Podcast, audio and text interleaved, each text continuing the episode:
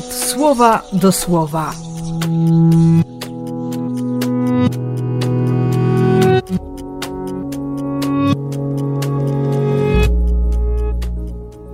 Dwudziesty siódmy grudnia, wtorek ze świętym Janem.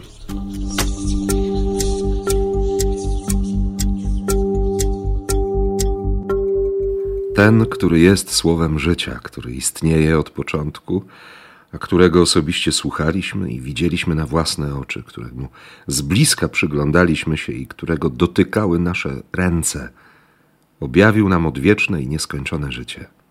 Dlatego i my, Jego naoczni świadkowie, ogłaszamy Wam to życie, które jest w Ojcu i które zostało nam obwieszczone.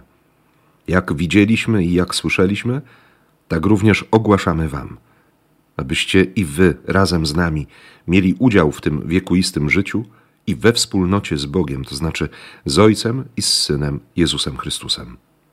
Pragniemy bowiem doświadczać pełnej radości razem z Wami. Jan ma bardzo konkretną motywację napisania listu. Doświadczyć pełnej radości we wspólnocie, we wspólnocie Kościoła, bo się życie objawiło. I on sobie doskonale zdaje sprawę ze swoich ograniczeń, z tego wszystkiego, co jest jego zwyczajną ludzką biedą. Po tych latach od zmartwychwstania Jan doskonale wie, że, że to wybranie Boga było bez żadnych zasług, że miłość jest łaską, że jest w sercu taka tęsknota, która, która pozwala otworzyć ręce i, i doświadczać nieustannego adwentu, tego drżenia serca przed spotkaniem.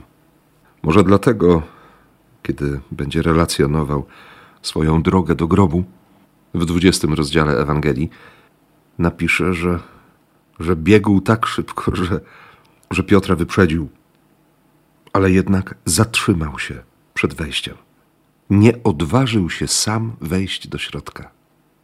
Piotr, który dobiegł po chwili, od razu wszedł. Wszystko dokładnie obejrzał. I dopiero wtedy Jan zdobył się na odwagę, żeby, żeby wejść i zobaczyć pusty grób.